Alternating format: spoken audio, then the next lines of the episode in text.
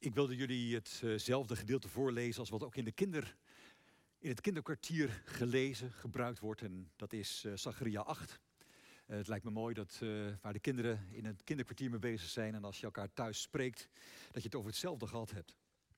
Uh, Zachariah 8, de versen 1 tot 8 en de versen 20 tot 23.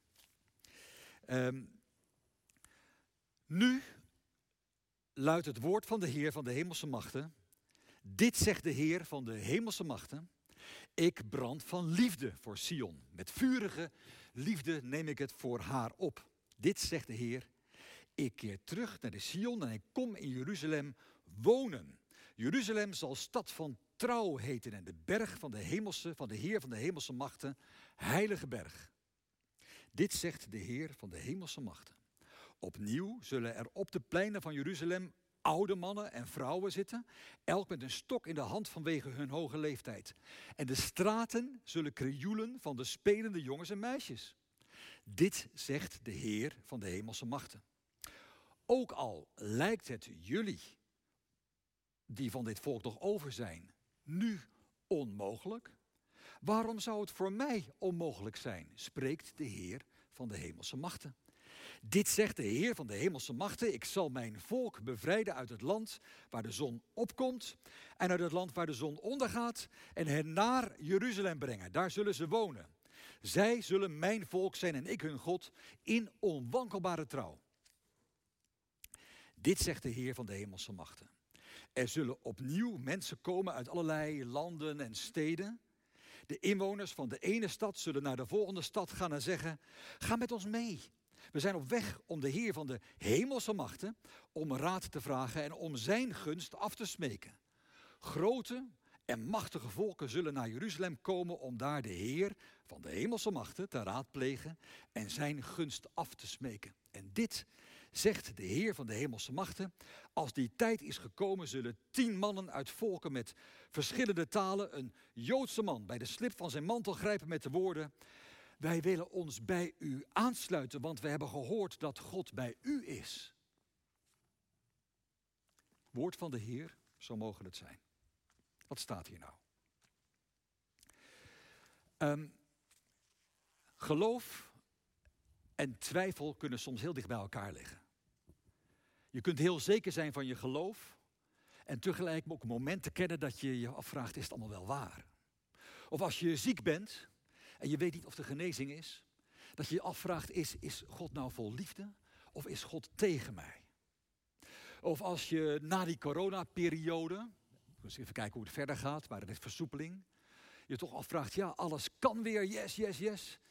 Maar dat je ergens ook een soort aanvechting voelt van, wil ik wel weer? Wil ik wel weer met de kerk verder? Wil ik de dingen die ik deed wel weer oppakken? Uh, waar, waar sta ik eigenlijk? Of, of denk aan het klimaat, zo'n grote kwestie, die klimaatverandering.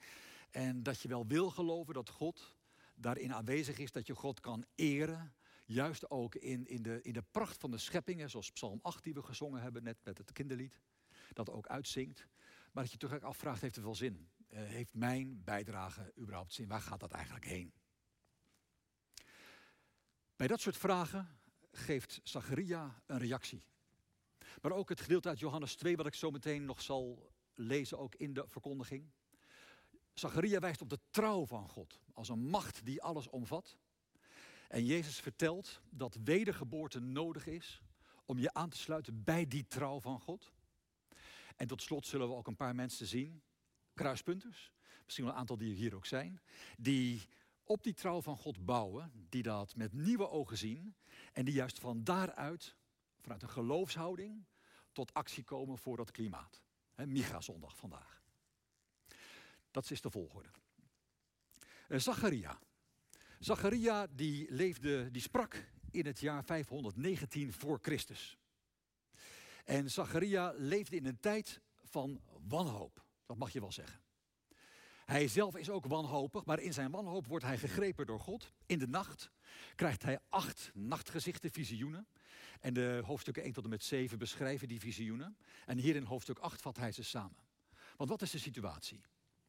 Het volk Israël was in het begin van die, van die zesde eeuw door de Babyloniërs in ballingschap gebracht. Ik zeg het volk Israël, ik moet eigenlijk zeggen de stammen Juda en Benjamin. Dus Jeruzalem was verwoest, de tempel vernietigd en de mensen die daar nog woonden, die waren weggevoerd naar wat nu Irak heet. Maar zoals dat gaat met wereldmachten, Babylon was zo'n wereldmacht. Het is opgaan, blinken en verzinken. Je kunt er enorm ontzag voor hebben, maar het gaat ook weer voorbij. De Iraniërs, de Perzen kwamen op en die rolden de Babyloniërs van de kaart. En die zeiden tegen die, eh, die Judeërs die ze daar in Irak aantroffen, die zeiden van jongens, uh, jullie kunnen wel weer terug.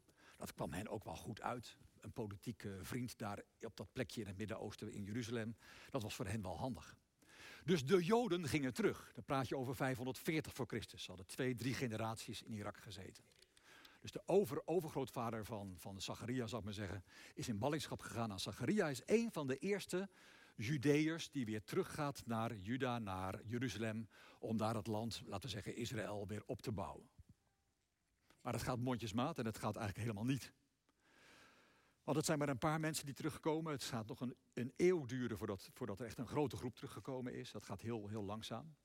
En na twintig jaar bouwen en zwoegen en het land weer bewerken, uh, kijken ze elkaar aan, Zacharia zijn mensen, en ze zeggen: Dit wordt niks. Wij vertrouwen op de God van, de, op de God van Israël. Maar wat heeft dat ons gebracht? De tempel is nog steeds een puinhoop. Onze huizen, het ziet er niet uit. En het land bewerken, het, het levert nauwelijks iets op. En dat moment, op dat moment van aanvechting, krijgt Zacharia dus die nachtgezichten. En hij spreekt. En hij heeft drie dingen te vertellen: de Heer van de hemelse machten, liefde en trouw. De Heer van de Hemelse Machten, als je dat stuk hoorde wat ik je voorlas, uh, Zachariah 8, dan struikel je over die term, Heer van de Hemelse Machten, Heere Sebaot. En die Hemelse Machten daarmee wil, wil, wil God zich bekendmaken in Zachariah als iemand met een heel andere macht dan die machten waar je vaak tegen opkijkt. Je kunt opkijken tegen de wereldmachten. In die tijd de Babyloniërs, de, de, de, de, de Perzen. In deze tijd mogelijk de Amerikanen of Europa of China. Uh, maar net zo goed zijn wereldse machten zijn ook uh, wanhoop. Of, of ja, trots. Of egoïsme. Of corona. Dat zijn wereldse machten.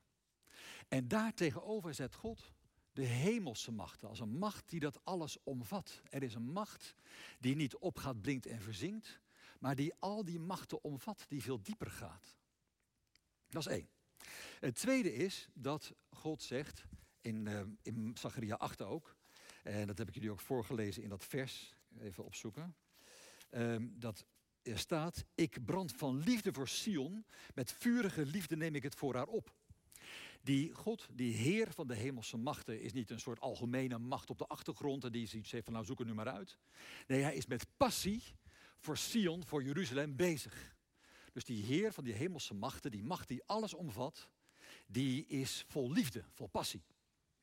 En dan tot slot gaat het over trouw. Er staat namelijk, uh, even kijken, dat is het vers. Uh, moet ik even opzoeken, waar staat hij hier? Vers, vers 3. Dit zegt de Heer, ik kruk terug naar Sion, kom in Jeruzalem wonen. Jeruzalem zal stad van trouw heten. En daar zullen ze wonen, zij zullen mijn volk zijn en ik hun God in onwankelbare trouw. Het woordje trouw is eigenlijk het kernwoord van het Oude Testament. Daarmee heb je eigenlijk het hele Oude Testament te pakken. Het is in het Hebreeuws is het emet. Dat zijn drie letters. Alef, mem en taf. Uh, alef is een soort ademklank, kan a of u of klinken, maar het hier e. En dan de mem en dan de taf, de emet. En uh, die trouw van God, dat is eigenlijk waar het hele Oude Testament steeds weer op teruggrijpt. De rabbijnse uitleg zegt ook dat dat woord ook terugkomt op allerlei manieren in het Oude Testament. Soms ook als je het niet direct leest. Bijvoorbeeld in Genesis 2, vers 3. Dat is het einde van het eerste scheppingsverhaal. God schept de, de, de, het licht. God schept uh, de planten, uh, de, de, dieren, de mens. En dan rust hij, staat er in Genesis 2, vers 3, van al zijn scheppingswerk. Bara Elohim la asot staat er in het Hebreeuws. En dan zeggen de rabbijnen, moet je goed naar die laatste letters van dat scheppingsverhaal kijken. Dan de laatste letters van die drie woorden.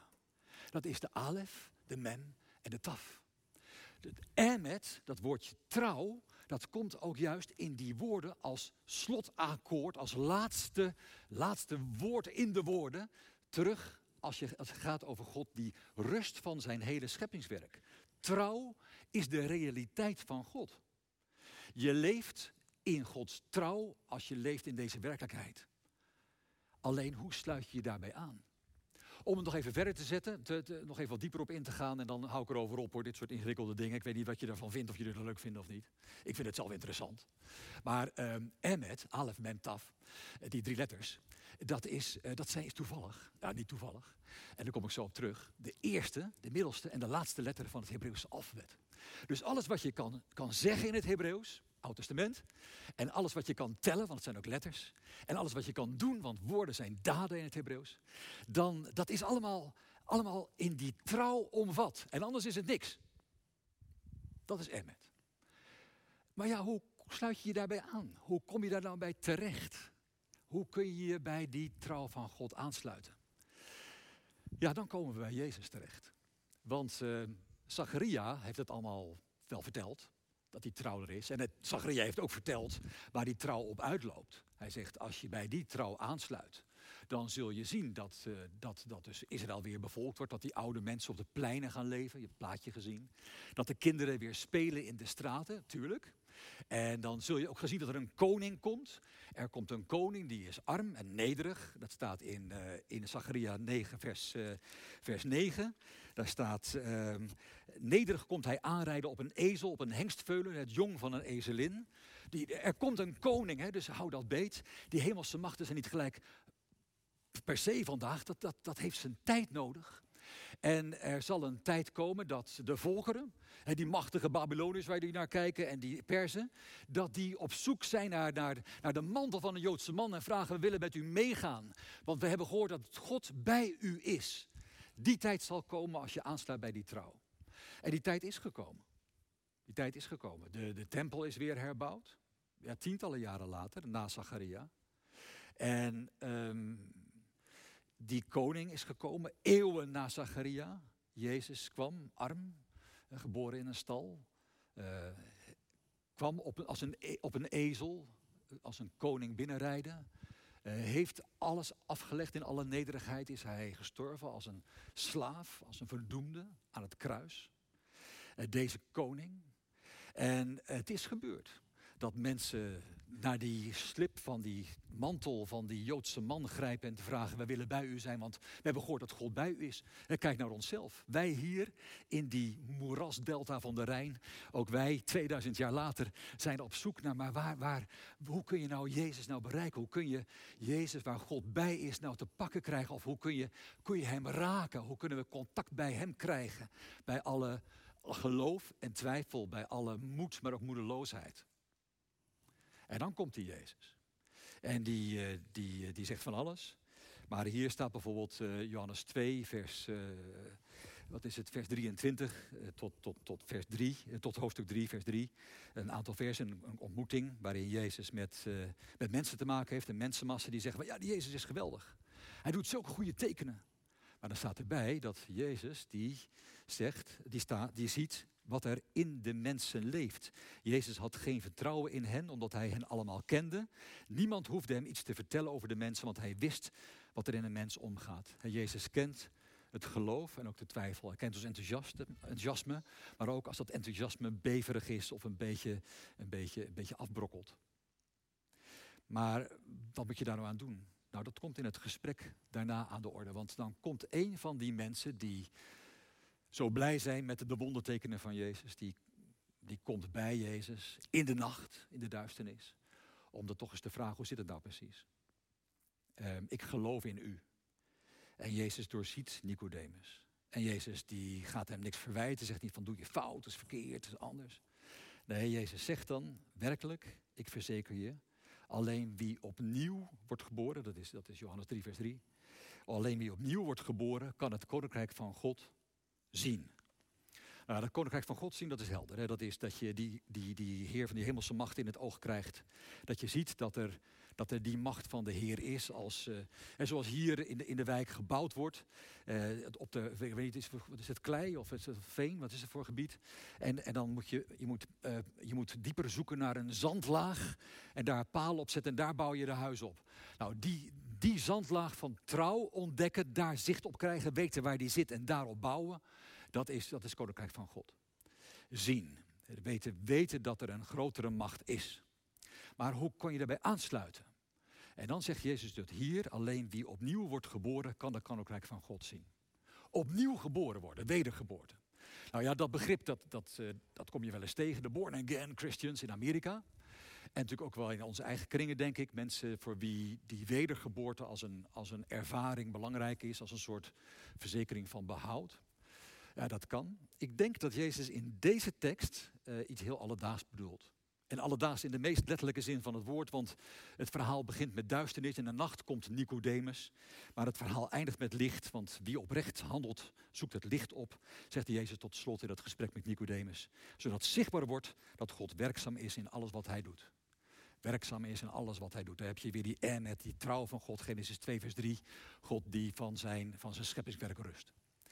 En uh, wat Jezus dan bedoelt, hier met die wedergeboorte, denk ik, zo geloof ik dat, zo leef ik er zelf ook mee, is dat je het niet groot maakt, naar al die wereldmachten blijft kijken, dat je van, van beneden geboren bent, hè, zoals een mens geboren is en leert zich te oriënteren in de wereld en ontzag krijgt voor, voor, voor mensen die boven hem gesteld zijn of die meer weten dan jij en, en de machten van de wereld en de, de, de, eh, dus wat ik al heb genoemd al, die, die grote invloeden die je spelen.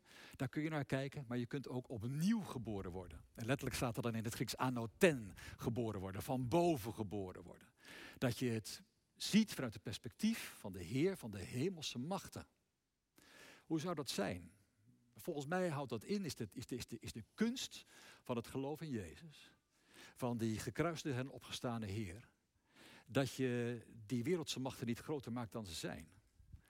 Uh, je kunt uh, over je leven nadenken van ja, hoe, als je ziek bent, hoe moet het nou verder met mijn leven? En dat begrijp ik. Je kunt bij het milieu denken van ja, maar hoe moet het ooit anders? Het is, hoe... Dat kan ik begrijpen, ik snap het. Uh, je kunt over de kerk na corona denken. Hoe, hoe gaan we na corona? Krijgen we het ooit weer voor elkaar? Snap ik allemaal best. Maar dan wordt het wel heel groot allemaal. Kan het niet eenvoudiger? Kun je niet elke dag gewoon beginnen. Een, een minuut eerder opstaan. En God danken voor deze dag en vragen of je in zijn Heer van de hemelse machten, in zijn macht kan leven. Of hij je daarin wil leiden. Dat kan niet zijn. En maak het klein voor vandaag. Niet voor de oplossing van alle dingen, de wondertekenen die er dan nodig zijn. En waar in Johannes 2 allerlei mensen wel van onder de indruk zijn. Maar wat leeft er in hun hart? Maar dat je je hart in alle eenvoud, begin van de dag, voor God opent. En dankt en vraagt voor vandaag een beetje moed en een beetje liefde en zijn verlossend werk. En dat kan het zijn. Het kan ook zijn dat je op een zondag gewoon eens naar de kerk gaat zoals jullie dat doen. En zoals degenen die thuis zijn dat misschien nu zien. Want elkaar opzoeken. Een ontmoeting op een zondag kan je een week lang ook nieuwe moed en ook kracht geven om te vertrouwen op die Heer van de hemelse machten. Die kan je zicht openen op die diepe zandlaag van de hemelse machten die onder de werkelijkheid alles draagt en stut. En eh, dan kom je ook andere kruispunten tegen die op hun manier twijfelen en geloven, twijfelen en geloven, maar ook van het geloof ook werk maken. Uh, kruispunten bijvoorbeeld die de MIGA-cursus hebben gevolgd die zoiets hebben van ja, we kunnen wel uh, onder de indruk zijn van de klimaatverandering en je kunt er toch niks aan doen. Maar die daar werk van maken en die inderdaad, nu komt de muziek eraan. Dat wordt inderdaad interessant. Want we gaan wat kruispunters zien. Kruispunters die hebben gezegd, wacht eens eventjes, uh, dat klimaat dat gaat ons aan het hart. En wij, wij doen daar iets aan. Dat is voor een deel natuurlijk politieke actie, zal ik maar zeggen. Maar ten diepste is het ook een geloofskwestie. Een geloofskwestie om elke dag opnieuw niet bij de wereldse machten, maar bij die hemelse macht aan te sluiten, wedergeboren te worden. Elke dag opnieuw geboren te worden van boven. En vanuit die macht van God, die de wereld schept. Vanuit Jezus, die de Joodse man die we kunnen aanraken, die we bij zijn mantel kunnen grijpen. Om je daardoor te laten leiden, omdat je gehoord hebt dat God bij hem is. En hij is bij, God is bij hem. En we kunnen hem aanraken. En er zijn kruispunten die laten zien wat dat voor hen betekent als het gaat om de Miga-zondag, om het werk van het klimaat. We gaan er een aantal van hen zien. En bij elke foto staat ook een quote een, waarom ze vanuit hun geloof hiermee bezig zijn. En ondertussen luisteren we naar het lied Maak mijn hart onrustig, Heer.